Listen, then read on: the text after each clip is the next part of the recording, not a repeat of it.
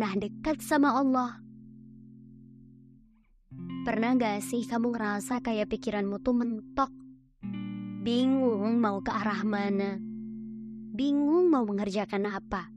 Karena seringnya menemui kegagalan dan bahkan mulai hilang harapan.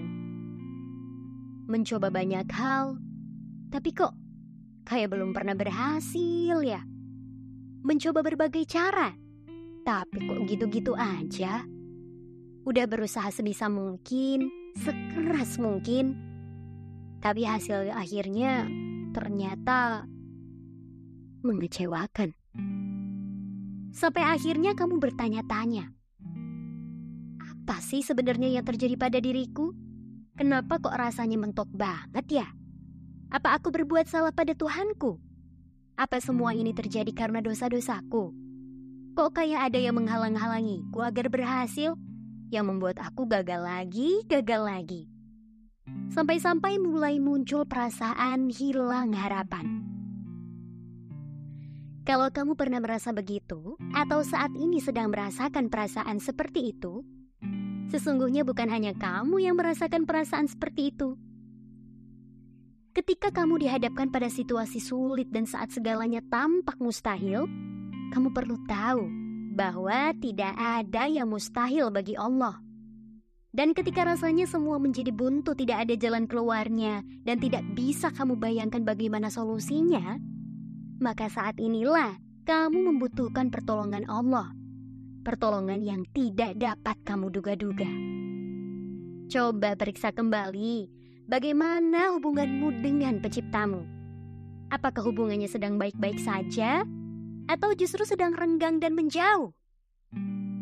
Dulu, kamu sangat dekat dengan penciptamu dan kehidupanmu berjalan baik-baik saja. Sementara sekarang, kamu merasa jauh dari penciptamu dan kehidupanmu mulai banyak menemui hambatan demi hambatan.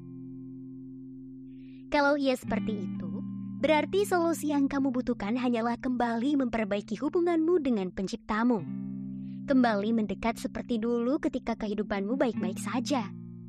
Karena emang ada beberapa orang yang ketika ia jauh dari Tuhannya, hidupnya terasa benar-benar berbeda. Kayak ada aja musibahnya.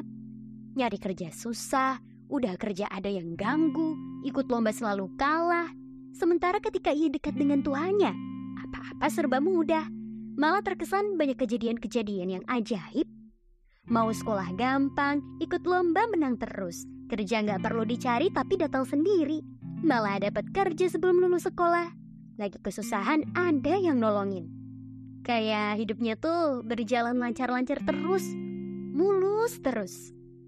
Nah, bisa jadi kamu juga termasuk orang yang seperti itu.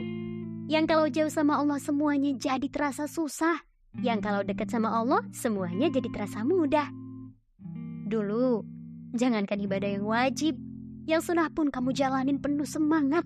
Sholat-sholat sunnah, tahajud, duha, sholat rawatib sebelum dan sesudah sholat wajib, puasa Senin Kamis, sering ngaji, dikir bahkan sering sholawatan menargetkan minimal seribu sholawat perharinya. Tapi sekarang, jangankan ibadah yang sunnah, yang wajib sekalipun mulai keteteran. Sholat mulai bolong-bolong, mengira hidupnya berantakan, tapi sebenarnya sholatnya yang berantakan. Sibuk dengan aktivitasnya sampai sholat jadi nunggu waktu luang. Gak seperti dulu yang sebelum azan pun udah siap-siap melaksanakan sholat. Boro-boro puasa Senin Kamis kayak dulu. Sekarang bawaannya lapar mulu. Bahkan puasa wajib bulan Ramadan pun ditinggalkan. Boro-boro mau dikir setelah sholat. Sholatnya aja bolong-bolong, itu juga ngerjain sholatnya buru-buru. Setelah sholat langsung lanjut aktivitas lagi. Coba ingat-ingat lagi kedekatanmu dulu sama Allah gimana.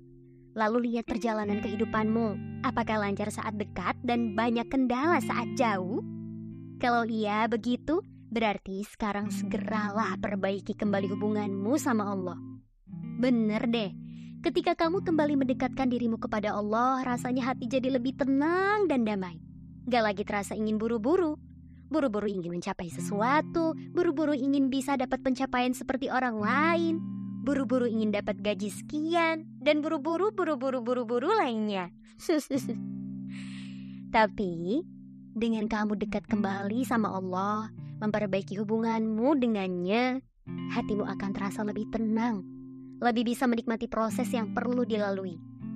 Kalau usaha yang kamu lakukan belum menghasilkan hasil yang sesuai ekspektasimu, kamu masih bisa enjoy dan tenang dan gak hilang harapan karena kamu menyandarkan harapanmu pada Tuhan, pada Dia yang tak terbatas.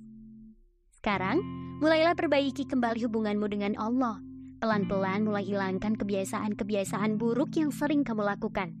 Ibadah-ibadah yang dulu kamu kerjakan sekarang mulai dikerjain lagi yuk. Pelan-pelan aja. Gak usah buru-buru. Bertahap. Lalu, lihatlah bagaimana Allah membuat skenario terbaik untuk hidupmu. Lihatlah bagaimana Allah mendatangkan pertolongan untukmu. thank